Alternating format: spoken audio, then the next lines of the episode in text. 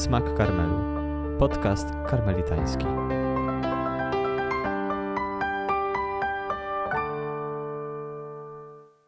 Witajcie w naszym kolejnym podcaście z serii o świętej Teresie od Jezusa. Podczas naszego ostatniego spotkania z ojcem Pawłem Hańczakiem rozpoczęliśmy nasze rozważania dotyczące trzech filarów modlitwy według świętej Teresy i rozmawialiśmy o miłości bliźniego. Dzisiaj witamy znowu ojca Pawła Hańczaka. Jest tutaj z nami i mamy zamiar rozmawiać o kolejnym filarze modlitwy, czyli zupełnym oderwaniu się od siebie.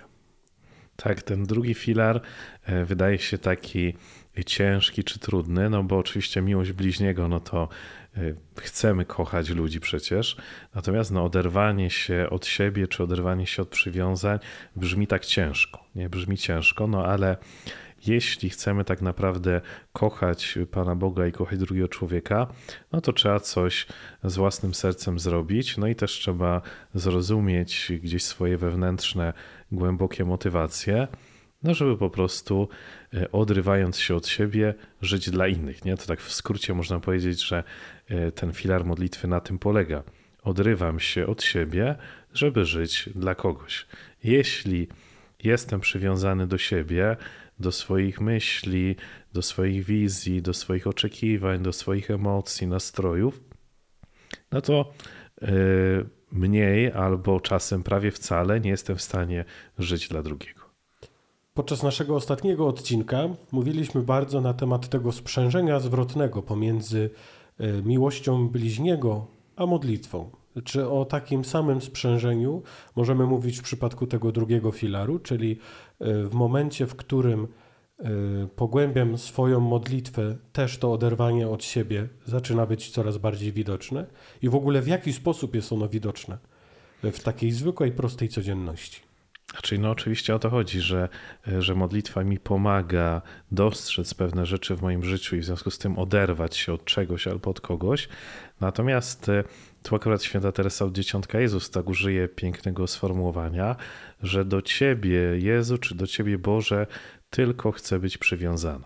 Nie? Więc jakby tu chodziłoby o to, że e, to przywiązanie do kogokolwiek, jeśli miałoby być, no to ono ma, ma być e, w stosunku do Pana Boga, czy po prostu robię pewne rzeczy ze względu na Niego. Czy moje decyzje, wybory, poruszanie się w relacjach, e, też przeżywanie e, siebie samego, przeżywanie swoich emocji, tak naprawdę wszystko idzie w takim kierunku, że o wiele łatwiej jest to zrobić, jeśli człowiek jest blisko Pana Boga, jeśli jest dalej, to pewnych rzeczy będzie nawet nie dostrzegał.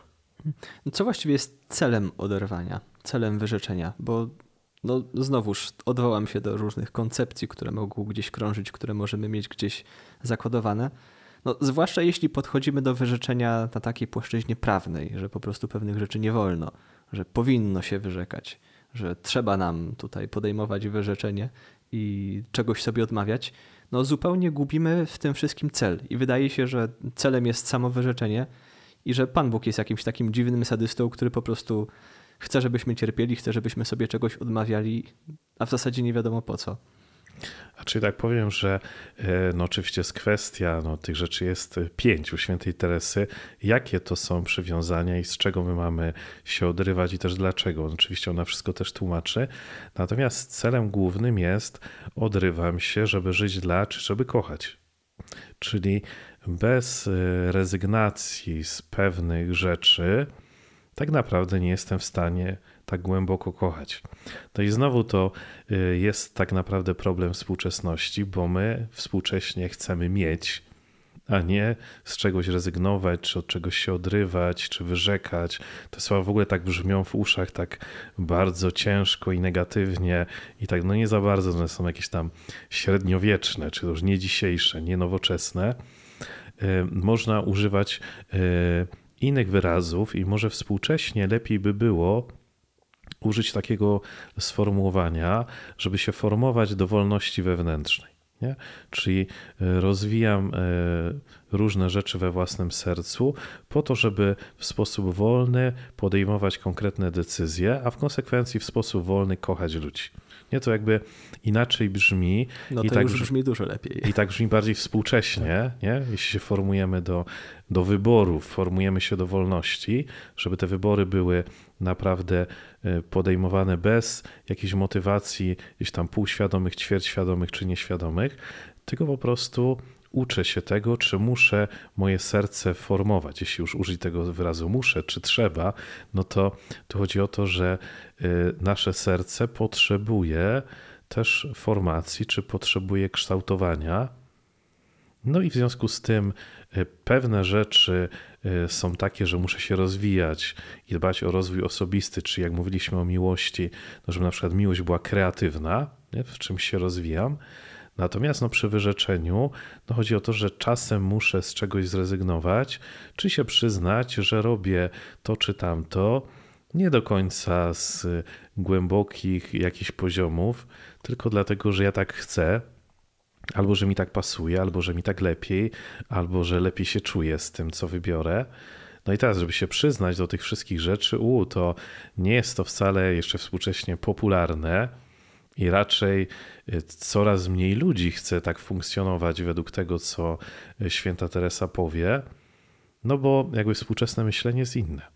No ale brzmi też to bardzo paradoksalnie, bo z jednej strony mówiliśmy, że wyrzeczenie zmierza właśnie do formowania nas do pełnej wolności, do wybierania w pełnej wolności.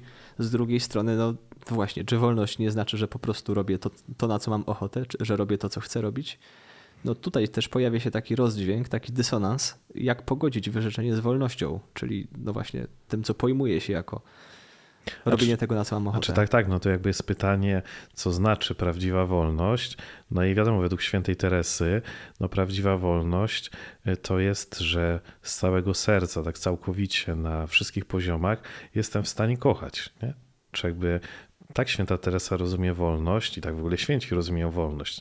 Natomiast współczesność bardziej mówi właśnie, że wybieram to, na co mam ochotę, no ale to czasem wybiorę rzeczy, które komuś zaszkodzą, albo kogoś zranią, albo kogoś skrzywdzą. Albo wręcz mi samemu zaszkodzą. Tak, tak, albo właśnie no też na takiej zasadzie.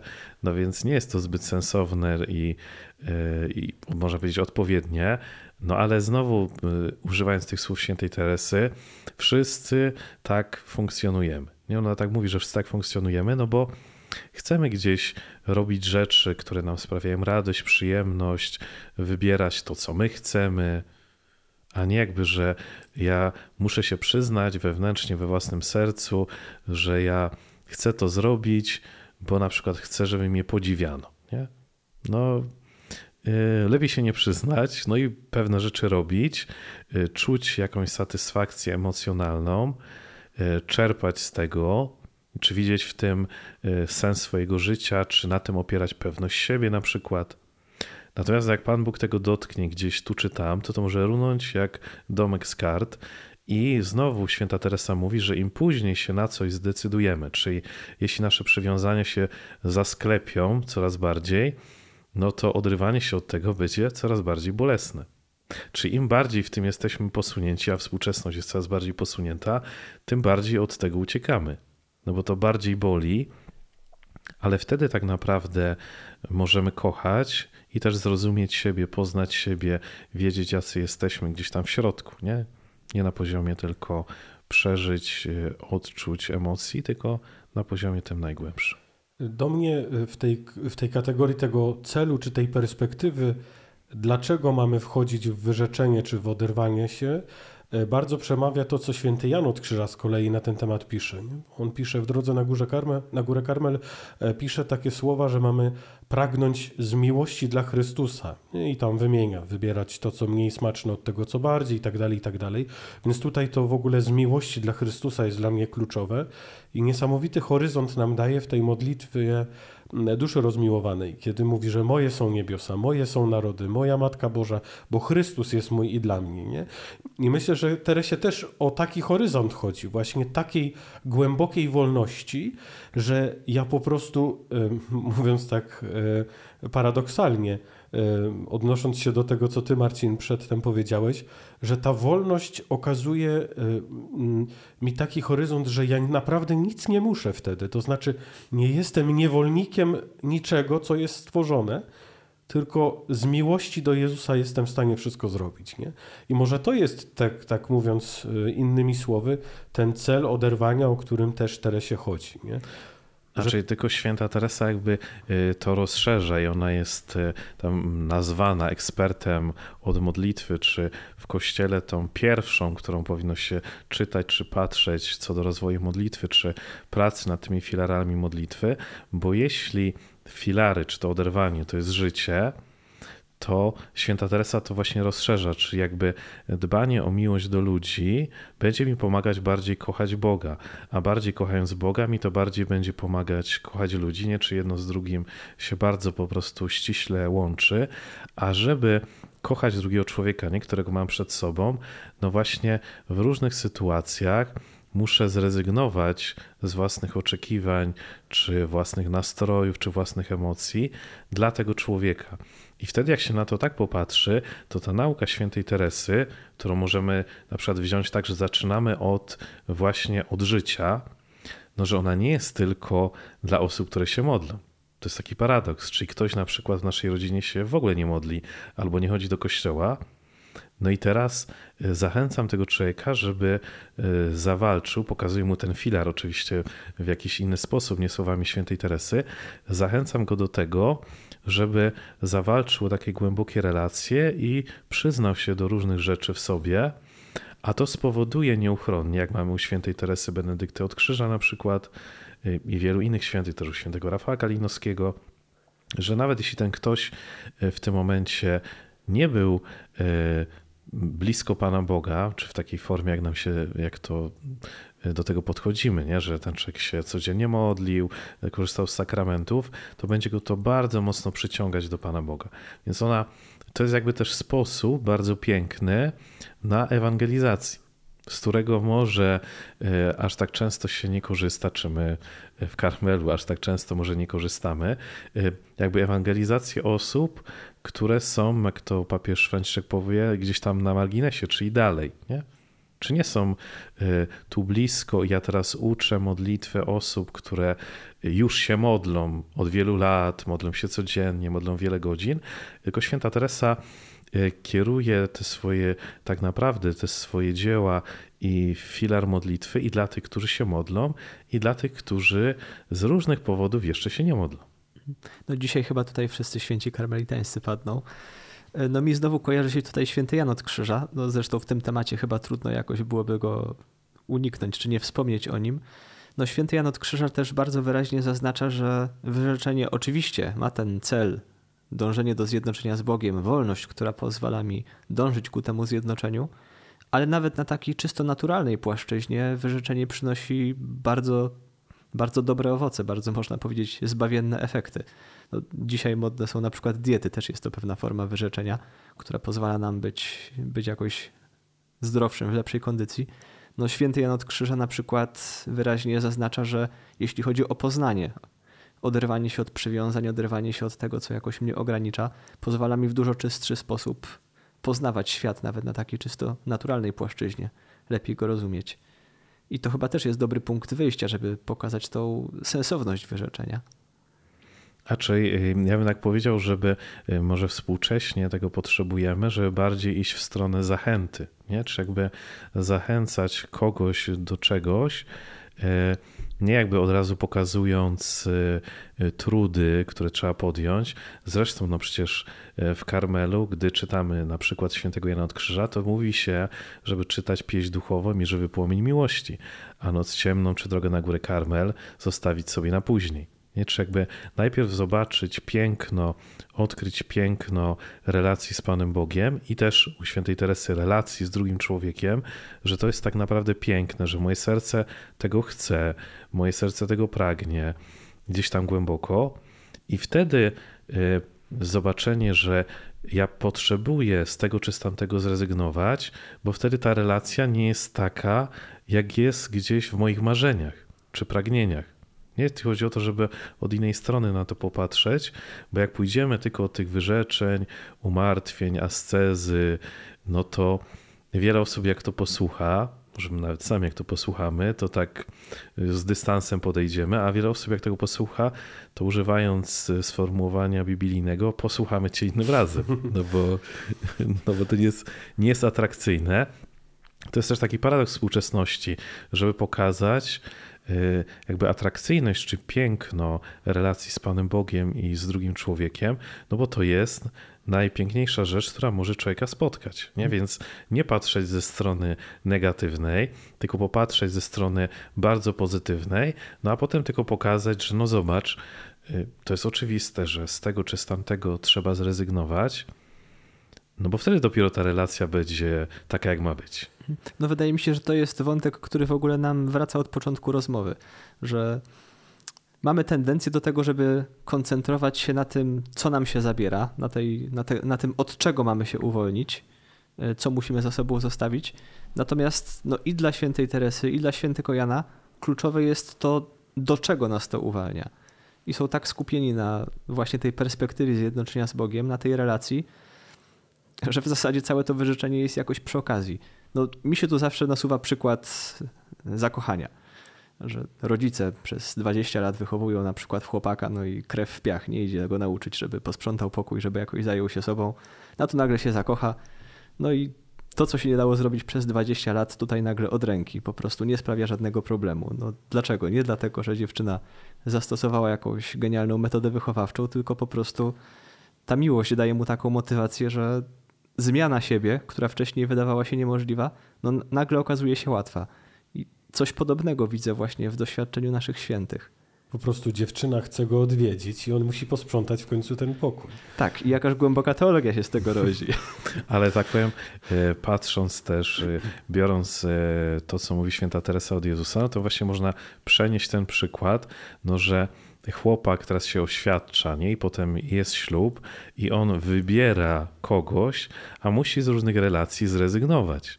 No, żeby ta relacja była y, naprawdę dojrzała i naprawdę y, nie, że tylko on twierdzi, ale naprawdę kocha tą drugą osobę, no to z iluś os y, osób nawet czy spraw musi zrezygnować. A potem na przykład jak będą dzieci, to z jeszcze innych będzie rezygnował czy jakby to jest naturalne w życiu, to y, święta Teresa też jakby chce pokazać, y, bo ona bierze te przykłady z życia, że to nie jest abstrakcja teoretyczna, tylko po prostu tak to funkcjonuje.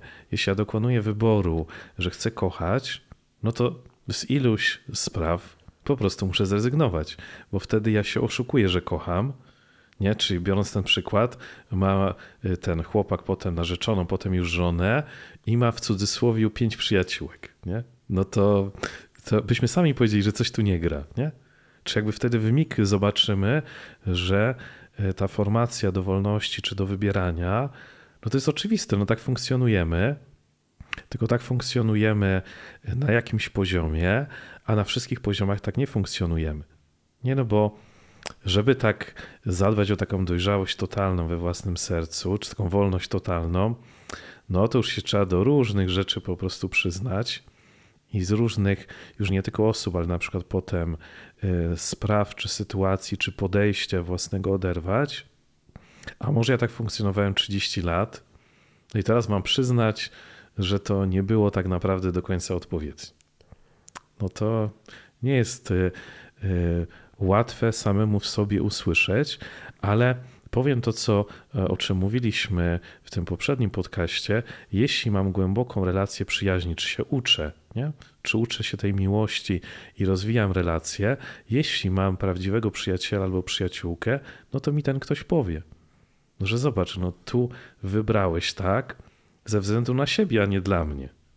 I dlatego święta Teresa Sama miała to grono tych sześciu, pięciu, sześciu osób, e, takich naprawdę przyjaciół od serca, e, z którymi mówiła tak naprawdę o wszystkim. Nie tylko o rzeczach duchowych czy o modlitwie, tak stricte o relacji z Panem Bogiem, ale o wszystkim. Czyli można powiedzieć, że angażując się w pewną relację, wyrzeczenie czy oderwanie się jest rzeczą naturalną. Tak? No bo na przykładzie tego chłopca czy chłopaka, który angażuje się w tą relację z jedną kobietą, no to to wyrzeczenie y, zaczyna być coraz głębsze. I teraz y, mówiąc słowami świętej Teresy od Jezusa, która powiedziała też, y, że nie można połączyć modlitwy i wygodnego życia, tak? Napisała, że wygodne życie nie może iść w parze z modlitwą, biorąc pod uwagę jej definicję modlitwy jako relację, to znaczy, że wchodząc w relację z Bogiem, to wyrzeczenie staje się naturalne. Czyli te oderwanie od siebie, od tych kolejnych warstw które no właśnie nakładamy na siebie, staje się coraz bardziej naturalne. A czyli tak, no bo na przykład zobacz sobie, że y, najpierw jak zaczynamy się modlić, no to coś chcemy z tej modlitwy mieć. Czy chcemy się dobrze poczuć, prosimy o coś, chcemy mieć jakieś przeżycia. No jakby to jest naturalne też, że yy, Pan Bóg nas jakoś zachęca czy zaprasza, ale te nasze motywacje nie do końca wszystkie są ze względu na Niego nie jesteśmy oderwani tak naprawdę do końca od siebie, tylko się modlimy.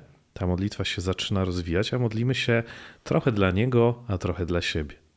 Nie i teraz chodziło o to, że Pan Bóg w, w tym rozwoju no, musi nam pewne rzeczy pokazać, no i odrywając się tak coraz bardziej, ta modlitwa będzie bardzo głęboka, no i to się to przełoży też na życie.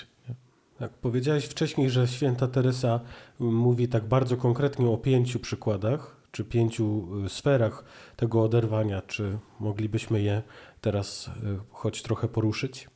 A czyli tak, święta Teresa tak mówi o oderwaniu się, od tego zaczyna, oderwaniu się od swojej rodziny. E, no bo e, tak naprawdę my wiele rzeczy w naszym życiu robimy ze względu na naszą rodzinę i znowu może się tak wydawać, że e, jakieś rzeczy pozytywne chcemy dla naszej rodziny, no i w związku z tym na różne rzeczy się godzimy, żeby rodzinie właśnie było lepiej. Natomiast święta Teresa tu jakby chce pokazać coś takiego, że my w sobie, we własnym sercu nosimy naszą rodzinę, czy różne zachowania z naszej rodziny, sposób myślenia, podejścia. I część tych rzeczy była bardzo dobra, bardzo piękna i ona była Boża, ale część wcale nie. I teraz chodzi o to, że e, rozwijając swoją modlitwę czy relację z Panem Bogiem, chodziło o to, żeby się przyznać, że w mojej rodzinie był pewien sposób myślenia, albo jest pewien sposób podejścia do życia, e, do relacji z ludźmi, albo do spraw finansowych. No, przeróżne rzeczy to mogą być. Część tych rzeczy jest Boża, a część nie. I chodzi o to, żeby umieć się do tego przyznać, a potem, to już jest druga rzecz i o wiele trudniejsza, zacząć w relacjach z rodziną powoli, powoli funkcjonować inaczej nie? Bo my jakby będąc tak emocjonalnie związani, no to nam jest trudno teraz jakby y, postawić jakąś granicę, no bo często te schematy funkcjonują w rodzinach 20 lat, ale u kogoś 50 lat, a u kogoś 80 lat. No i tak funkcjonują całe życie. Tu nie chodzi o to, że nie wiadomo, jakie złe rzeczy się dzieją, ale znowu warto popatrzeć w tym kluczu pozytywu czy dobra, nie dzieje się dużo rzeczy dobrych, które mogłyby się dziać. Nie? Żeby tak na to popatrzeć i w związku z tym pierwsza rzecz to jest popatrzeć na swoją rodzinę. Jak ona tak naprawdę wygląda, yy, czemu pewne rzeczy moi rodzice, rodzeństwo, czy ja sam podejmuję. No i czasem to jest tak z pokolenia na pokolenie pewne rzeczy idą tak jak powiedziałem, część z nich jest piękna i dobra. To nie jest, że wszystko w rodzinie jest źle, ale są takie, y, czasem to są dwie rzeczy, trzy rzeczy, jakieś niuanse, które są po prostu negatywne i trzeba to ostrym cięciem, to jak powie święty Jan od Krzyża, ostrym cięciem odciąć. Czyli święta Teresa nas wzywa do jakiejś krucjaty. Jak odkryjemy taką rzeczywistość, co możemy zrobić?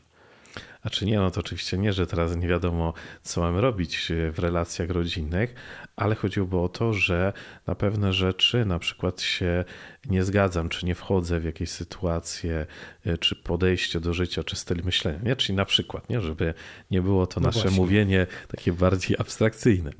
Na przykład e, współcześnie e, jest tak, że do jakiegoś stopnia, jeśli ktoś ma firmę mniejszą, większą, no to w tych podatkach trochę tam namiesza. Trochę tam namiesza, no żeby mi było lepiej, mojej rodzinie było lepiej, coś tu nie wpiszę, coś wpiszę jako koszty, nie koszty i tak dalej, y, żeby zysk wyszedł zerowy.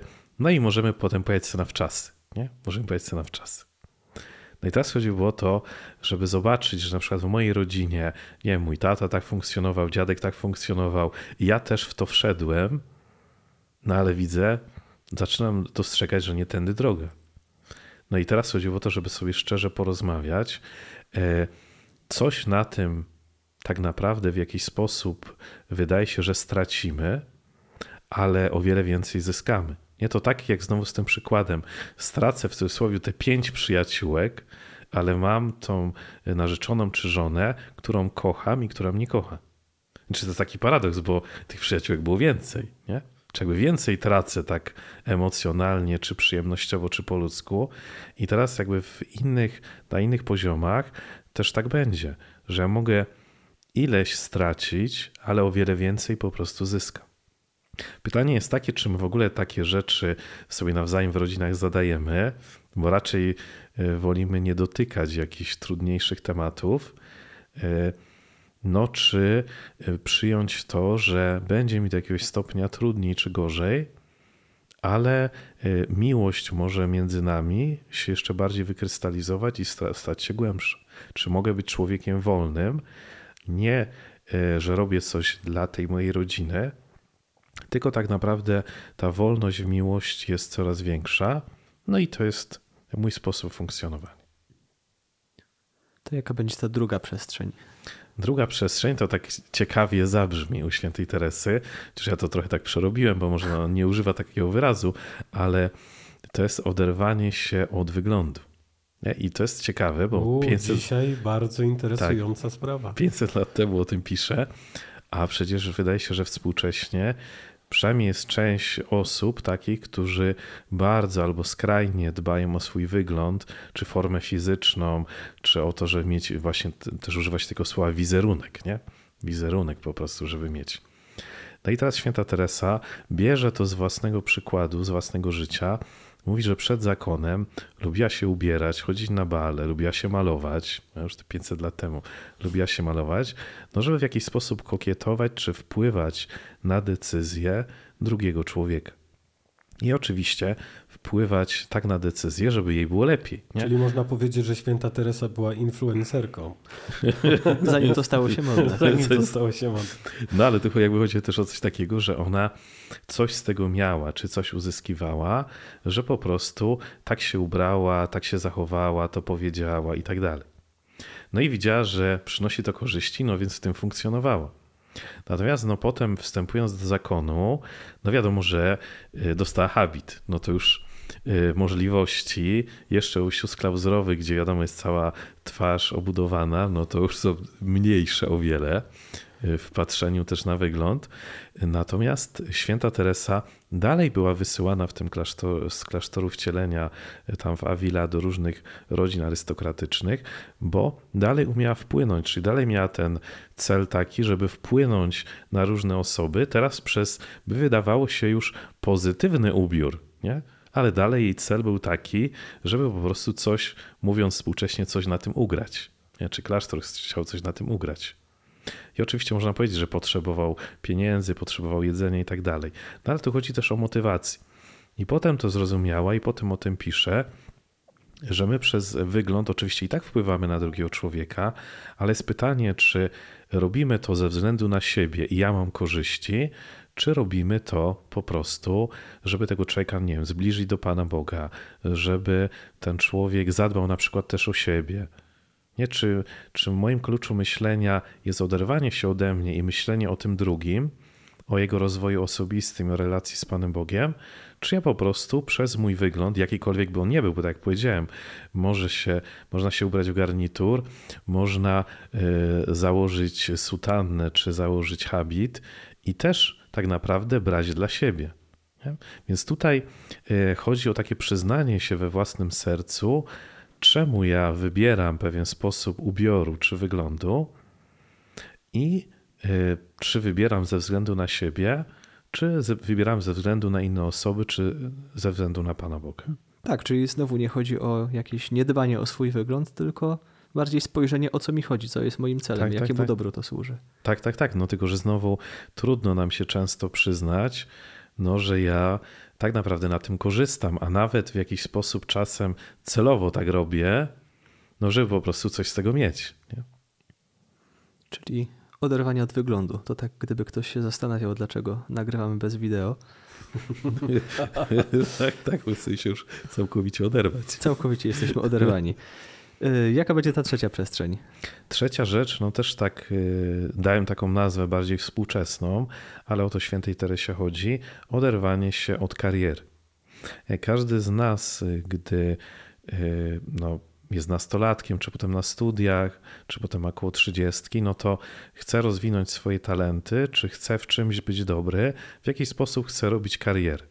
Ale znowu i tak naprawdę te y, rzeczy, o których święta Teresa pisze, tak jeden po drugim, tu chodzi o to, żeby się przyjrzeć swoim motywacjom. Czy ja chcę robić tą karierę, żeby mieć więcej pieniędzy, żeby wpływać na innych, żeby inni mnie podziwiali, żeby inni ze mną byli czy ja po prostu rozwijam swoje talenty po to, żeby nimi się dzielić. Nie? Czyli zewnętrznie czasem, w ogóle w tych różnych rzeczach może być bardzo podobnie. Wiadomo, jak się wejdzie w niuanse i się tak popatrzy szczerze, no to się zaczyna e, widzieć, że no to już nie jest tak, e, tak naprawdę bardzo podobne, tylko bardzo różne. No a y, podstawowa rzecz to jest przyznać się do tego, czemu ja tak po prostu robię.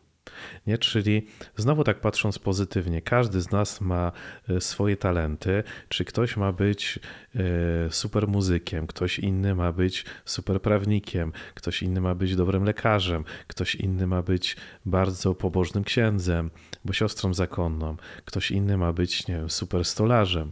Jeśli popatrzymy na to jako na takie dary, czy talenty, czy powołanie takie życiowe, no to każdy ma się w tym rozwijać. To nie, że teraz ma być beznadziejnym stolarzem, nie? No, ma być super stolarzem, który rozwinie te talenty i który może dzięki temu będzie lepiej zarabiał, będzie miał firmę, potem będzie miał iluś uczniów i ta firma się rozrośnie. No ale pytanie jest, y, z jakiego powodu ja to robię? Nie, czy ja nakręcam siebie, bo tak naprawdę chcę coś z tego mieć, czyli można powiedzieć tak współczesnym językiem, chcę coś mieć z życia, czy ja po prostu staram się rozwijać talenty, żeby być dla innych? No tutaj mi się od razu nasuwa takie pytanie. E, co zrobić w momencie, w którym e, na to pytanie, dlaczego ja to robię, otrzymuję odpowiedź, e, tą, która jest najbardziej prawdopodobna, że tam wcale nie jest 100% czystych motywacji, ale są też te motywacje właśnie tego, że robię to dla siebie, dla prestiżu, dla pieniędzy i tak dalej, i tak dalej. Nie? Co zrobić, żeby tą, tą, tą motywację przekierować jak najbardziej na, tą, na ten prawidłowy tor? Znaczy, oczywiście nie chodzi o to, że e, przestaję robić czy rozwijać te talenty, które mam, jeśli motywacje nie do końca są dobre, ale Znowu tu bardzo pomocne będzie, żeby mieć głębokie relacje i dobrych przyjaciół, bo przyjaciele mi pomogą. Zresztą oni mi pokażą o wiele wcześniej, że muszę tam dochodzić, nie wiadomo ile czasu, czemu ja pewne rzeczy robię. O wiele wcześniej mi pewne rzeczy powiedzą i będzie to o wiele prostsze. Natomiast jeśli tych przyjaciół jest mało, czy ich nie ma i człowiek to odkryje, nie wiem, po 30 latach życia w jakimś schemacie, no to może być to o wiele trudniejsze, no ale to Święta Teresa też ma tą metodę tak krok po kroku. Jak popatrzymy na twierdzeń, na te siedem mieszkań, jeszcze w każdym mieszkaniu ileś jest y, komnat czy pokoi, czy można powiedzieć, nie 50 jest pokoi albo 100, więc jakby idziemy stopniowo. Nie, nie chodzi o to, żeby się zrażać. No, cóż, no, moja motywacja przez 30 lat była kiepska, teraz próbuję coś z tym zrobić, no to dokonuję wyborów. Nie? E, tak jak to powiedziałem, nawet jak nie mam przyjaciół, to warto na przykład spróbować komuś zaufać. Nie? Żeby jakaś relacja się rozwijała, że ktoś mi w tym pomoże, czy mi zobiektywizuje, bo to może iść w dwie strony. Może być tak, że ja naprawdę dla siebie mnóstwo rzeczy robię, a nie dla innych, ale mogę też przesadzać. Nie? Czyli dla siebie robię już bardzo mało, mnóstwo robię dla innych, ale widzę jakąś dziurę w całym i mogę przegiąć w drugą stronę. Ja to jakby możliwych scenariuszy w życiu jest tyle, jest ludzi, nie? a tak, tu tak. chodziłoby o to, żeby tak naprawdę nauczyć się tego życia dla Pana Boga, życia dla drugiego człowieka, i e, doświadczenie czy zauważenie, że to oderwanie jest czymś pozytywnym. I to jest jakby największy sukces, jeśli e, przyjmiemy, zrozumiemy, że oderwanie się to jest coś dobrego, ja tego chcę. No bo to potem już, wiadomo, może ileś czasu mi to zająć, ale to już po prostu pójdzie. Tak. No poszliśmy chyba w wątki, które też Właśnie. są ciekawe, natomiast Wróćmy e, do, do głównego wątku i przejdźmy może do czwartej czwartego. rzeczywistości, Tak. od której trzeba się odrywać. Czwarta rzeczywistość to jest oderwanie się od y, dzieci. I ono, wiadomo, można powiedzieć, że o święta Teresa pisze, no bo nie ma dzieci, nie? No ale y, to oderwanie się, ono tak naprawdę i występuje w życiu świeckim, czy w życiu zakonnym, czy kapłańskim, jakkolwiek. Już myślałem, że przynajmniej z jednym nie będzie problemu. No, że nie będzie problemu, a tu jednak po prostu problem będzie. Y, No chodzi o coś takiego, wiadomo, tu są trochę niuanse, inaczej to wygląda w życiu kapłańskim czy zakonnym, no bo fizycznie y, tych dzieci nie ma. I święta Teresa mówi i idzie bardzo mocno w macierzyństwo czy ojcostwo duchowe, czyli modlitwę za inne osoby i też dbanie czy troskę o rozwój tych osób, które w jakiś sposób są im powierzone, czy po prostu jestem w relacjach, tak miała tą grupkę przyjaciół, czy potem coraz więcej miała tych osób. Dbam o te osoby i poprzez modlitwę tak duchowo je wspieram, no i też poprzez wchodzenie czy uczenie ich relacji, o, uczenie relacji, y, uczenie przyjaźni, y, żeby ten człowiek się rozwijał. I tak naprawdę to samo y, dobrze by było, powie święta Teresa, żeby tak było też w życiu rodzinnym. Nie? Czyli chodzi o to, że dla rodziców dzieci nie są moje, nie? czy są moją własnością. Ja teraz mam jakieś oczekiwanie i y, czy bezpośrednio, czy trochę pośrednio im to pokazuję i te dzieci się w wielu przypadkach uginają, czy idą, y, nie wiem, na takie studia albo taki zawód mają, którego wcale nie lubią, ale rodzice tak chcieli. Nie? No i efekt jest taki, że te dzieci tak naprawdę ani się nie rozwijają i są gdzieś nieszczęśliwe, a rodzic, który tak naprawdę jest paradoks, chce dobra swoich dzieci, chce i kocha, przynajmniej twierdzi, że kocha, poprzez takie bardzo mocne przywiązanie do swoich wizji na temat tego dziecka, planów, marzeń, pragnień o tym dziecku. Efekt jest taki, że to dziecko y, jest trochę jakby takie przyduszone, czy takie, że nie może właśnie rozkwitnąć, czy się rozwinąć. Nie, więc jakby y, czy w życiu zakonnym, czy kapłańskim, czy świeckim, to oderwanie jest y, bardzo potrzebne i chodziło o to, żeby popatrzeć na tego drugiego człowieka, jak ja mogę mu najlepiej pomóc się rozwinąć. Nie? To jakby powinien być mój cel, żeby on rozwinął swoje wszystkie talenty, relacje z Panem Bogiem rozwinął, rozwinął się jako człowiek i cieszył się życiem. I to powinno być największe szczęście, o czym mówi święta Teresa, dla tego rodzica. Nie? Czy to jest rodzic y, w sensie tylko duchowym, czy duchowym i, i takim fizycznym. Nie, że ona powie, że to powinno być szczęściem czy marzeniem rodzica, a jeśli nie są oderwani, no to wcale tak nie jest.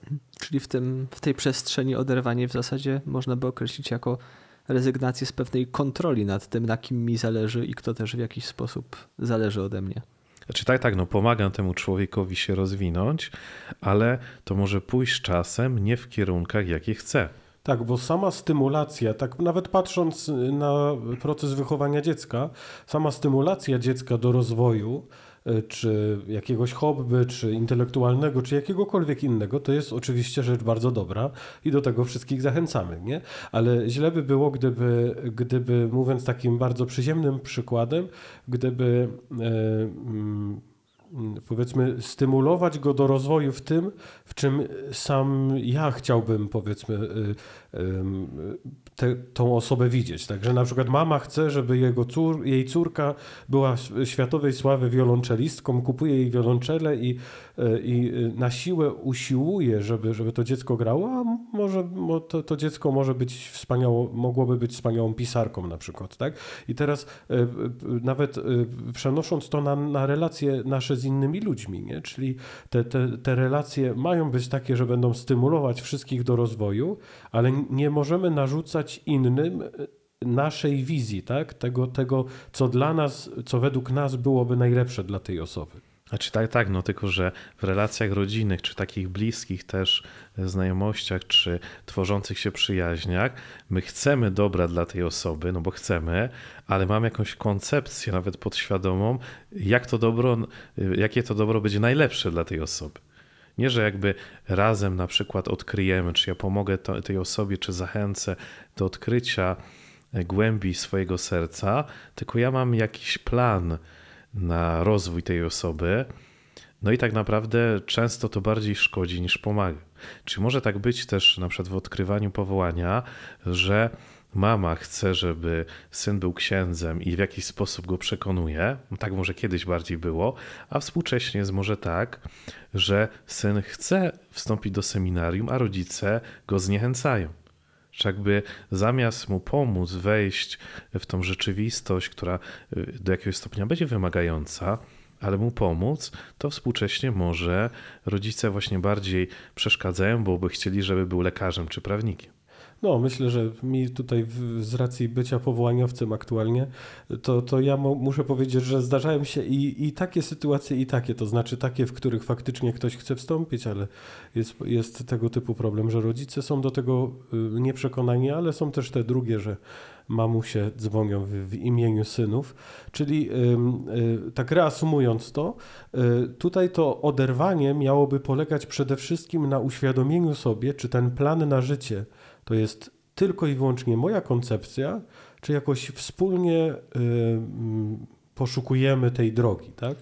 Znaczy tak, tak, więc chodzi o to, że y, im to dziecko jest starsze, czy ktoś, kogo formujemy, może być dorosły, ale jest y, coraz gdzieś starszy, czy ta relacja z Panem Bogiem jest coraz głębsza, czy w ogóle rozwój osobisty jest coraz większy, no to teraz chodziłoby o to, żeby sobie tak popatrzeć, no czy ja naprawdę E, chcę pomóc temu komuś, żeby zdecydował, czy daję mu może jakieś e, podpowiedzi, jakieś klucze zrozumienia siebie lepiej, ale ten człowiek ma wybrać, a nie ja mam wybrać za niego, bo nawet, to jest też taki paradoks, to oczywiście, o którym powie święta Teresa, czy też współczesna nauka, nawet jeśli ta moja koncepcja jest taka, jak ta osoba chce, to jeśli to będzie narzucone w jakiś sposób z zewnątrz, to ta osoba nie będzie się na przykład umieć ucieszyć tak w pełni, czy będzie musiała pewne rzeczy przepracować, czy gdzieś tam właśnie oderwać się od różnych rzeczy, od swojej rodziny, to pierwsze oderwanie,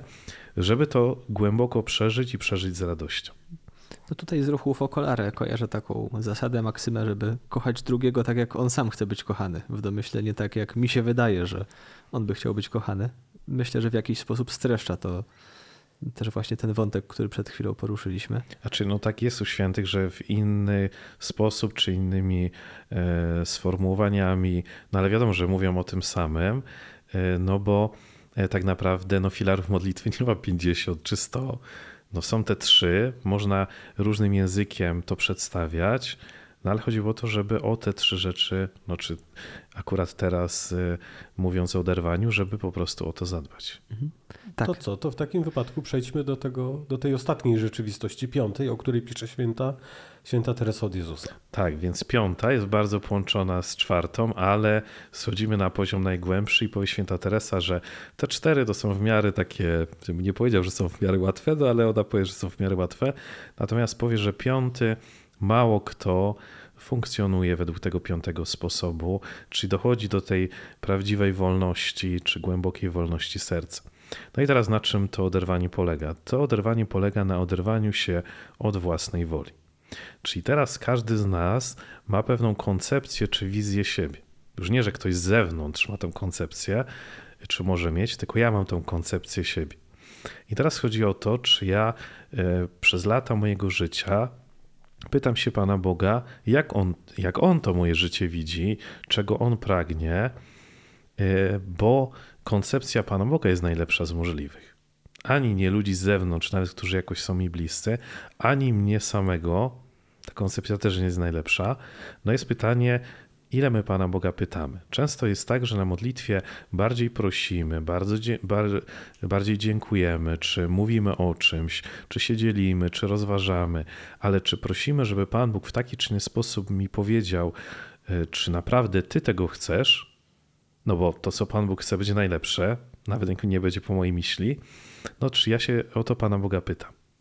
Jest to y, związane, to oderwanie, powie święta Teresa, z bardzo dużym ryzykiem, no bo często albo czasem, to zależy na jakim etapie rozwoju człowiek jest, usłyszymy nie to, co chcemy.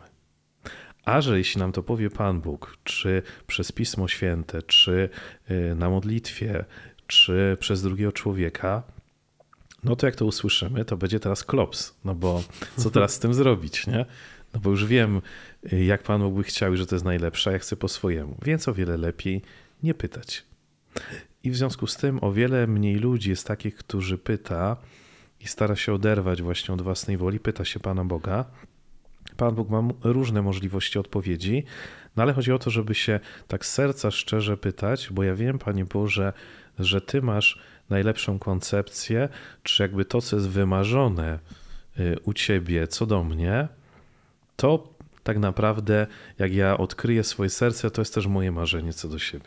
Chociaż wydaje mi się, że to będzie troszkę dygresyjny wątek, ale warto go w tym miejscu poruszyć, bo do tego rodzaju pytanie Pana Boga, Panie Boże, co Ty byś chciał w tej sytuacji, w innej sytuacji, no może też być ucieczką przed podejmowaniem własnych decyzji. Czy w tym oderwaniu właśnie o to chodzi, że Pan Bóg po prostu mówi mi, teraz idź do sklepu, teraz idź do kina, wybierz ten film, zaproś tą osobę.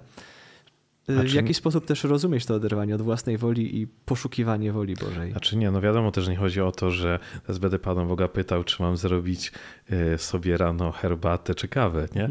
To nie chodzi tak, o to, żeby... Tak, tak, ja nawiązuję do tego, bo bardzo łatwo też tutaj wpaść w taki obraz Pana Boga, który chce nam coś odebrać, który chce właśnie kontrolować nasze życie i no, trochę tutaj się pojawia jak ten rodzic, który ma najlepszą wizję, którą mamy zrealizować i której my mamy się tylko podporządkować.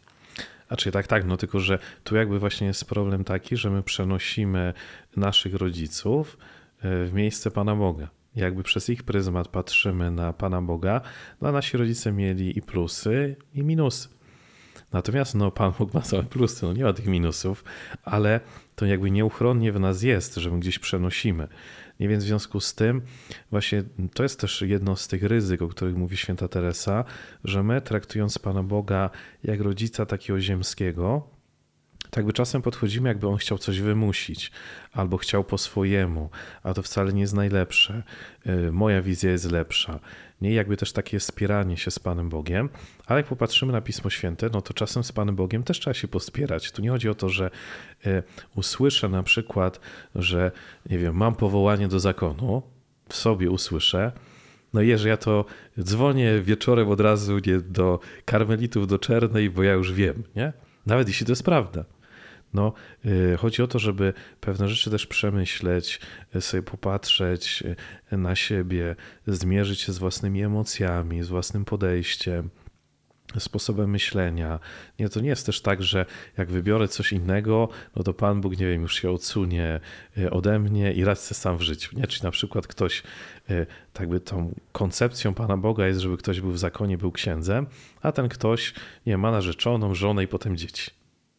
No i teraz co? No to nie jest tak, że Pan Bóg teraz y, powiedział, nie zrobiłeś tego, co było moim marzeniem, tak naprawdę też twoim w sercu, no to teraz sobie radź, nie?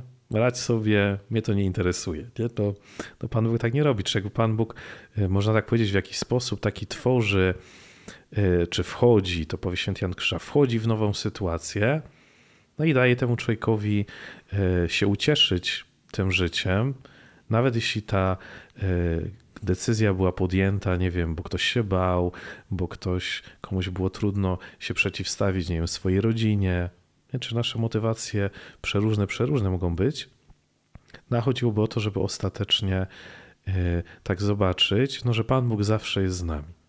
Natomiast to, co On yy, zamierza, czy jakie ma plany do nas, czy jakie są Jego pragnienia, czy marzenia, to jest po prostu i to jest też yy, no, można powiedzieć, cud myślenia Pana Boga, czy coś, co dla nas jest niewiarygodne, e, tak do końca, że to, jak to tak może być, no że on chce tylko i wyłącznie mojego dobra i ta jego koncepcja na moje życie to jest tylko i wyłącznie dla mojego dobra, czyli to się splata z moimi emocjami, to jest święty Jan od Krzyża powie, emocjami, nastrojami, historią życia, moją rodziną, moimi zranieniami, e, wszystkim, co w życiu było, Pan Bóg wszystko bierze pod uwagę. No I to jest jakby piękne, no ale tak jak powiedziałem, no wiąże się to z ryzykiem, no bo trzeba e, Pana Boga pytać, co do właśnie rzeczy życiowych. Nie, tu nie chodzi o to, że pytam, czy, czy zrobić kawę czy herbatę, ale właśnie co do rzeczy życiowych, a ja na przykład chcę tutaj, e, nie wiem, być piłkarzem, sportowcem, no a w sercu czuję tak naprawdę, że mam być księdzem.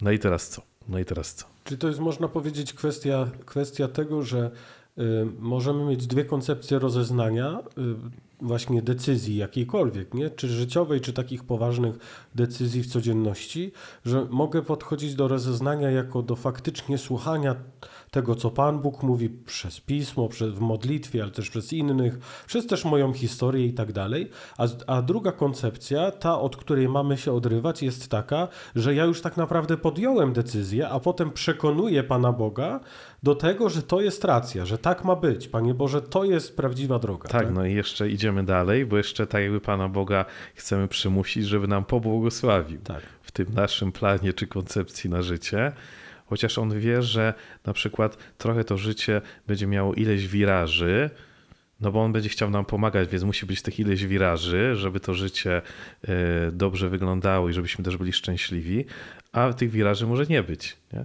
No ale my gdzieś skręciliśmy, no to Pan Bóg nam w jakiś sposób chce to ułatwiać, czy chce nam pomagać, czy chce z nami być. No ale najczęściej jest tak, że właśnie my coś sobie umyślimy i prosimy Pana Boga, żeby to pobłogosławił. Tak, to chyba czas domknąć już te przestrzenie Dokładnie. wyrzeczenia. Te, o tych pięciu przestrzeniach powiedzieliśmy, to może teraz spróbujmy jeszcze odpowiedzieć na takie pytanie, w jaki sposób człowiek odrywając się od tych różnych rzeczywistości, o których mówiliśmy, w jaki sposób to owocuje w życiu modlitwy?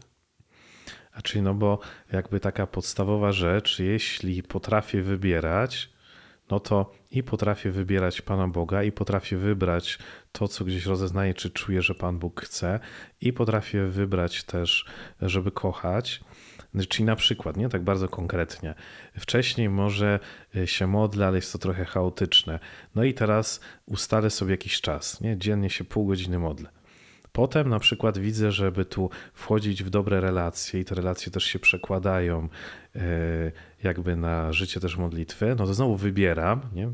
jestem uformowany, czy chcę się formować do wolności, wybieram, jestem z jakąś grupą ludzi, nie? czy grupą modlitewną, czy grupą przyjaciół i tak naprawdę wybieram rzeczy, które mi pomagają. No to jest też taki paradoks, nie? że e, człowiek prawdziwie wolny ostatecznie wybierając to, co jest dobre dla Pana Boga i dla innych, wybiera to, co jest dobre dla Niego. Nie? To się wszystko wtedy składa po prostu w całość i e, no, pięknem e, też tego filaru modlitwy, e, czy pragnieniem Pana Boga jest tak, żebyśmy umieli to dostrzec, nie? po prostu to zobaczyć. I tutaj jeszcze może, już chyba kończąc, lądując, yy, mam takie pytanie bo powiedzieliśmy sobie o tych przestrzeniach modlitwy, czego w zasadzie należy się wyrzekać, no i to może budzić takie przerażenie. Jest tego tyle. No, jeśli jesteśmy ze sobą szczerzy, widzimy też, że wcale nie jesteśmy tak bardzo wolni w tych różnych przestrzeniach, o których opowiadaliśmy. No i jak się w ogóle do tego zabrać? Bo myślę, że mogą być takie dwa ryzyka. Z jednej strony, żeby wziąć się za wszystko naraz i za jednym razem próbować oderwać się od wszystkiego, z drugiej strony stwierdzić, że to w zasadzie i tak jest niemożliwe, nie ma sensu, więc nawet nie ma co zaczynać. Co święta Teresa ma tutaj do zaproponowania? Znaczy, święta Teresa miała e, wielu spowiedników, czy kierowników duchowych, czy przyjaciół, z którymi rozmawiała. No i też, tak jak to e, starałem się powiedzieć, stwierdzić wewnętrznie, no ona jakby idzie po kolei. Ja, czy wiadomo, ten piąty jest najtrudniejszy, to można sobie e, na razie go zostawić i zobaczyć, co z tymi czterema będzie. No cztery to można powiedzieć, że jest dużo, nie jest dużo. No jak się zabrać naraz, to może być za dużo, nie? Dla emocji, dla przeżyć, dla e, człowieka. No ale to e, mając kierownika duchowego, nie wiem, pracujemy nad oderwaniem się od mojej rodziny. Nie? Od sposobu myślenia, podejścia, czyli też przed tym człowiekiem staram się bardzo szczerze powiedzieć o różnych rzeczach.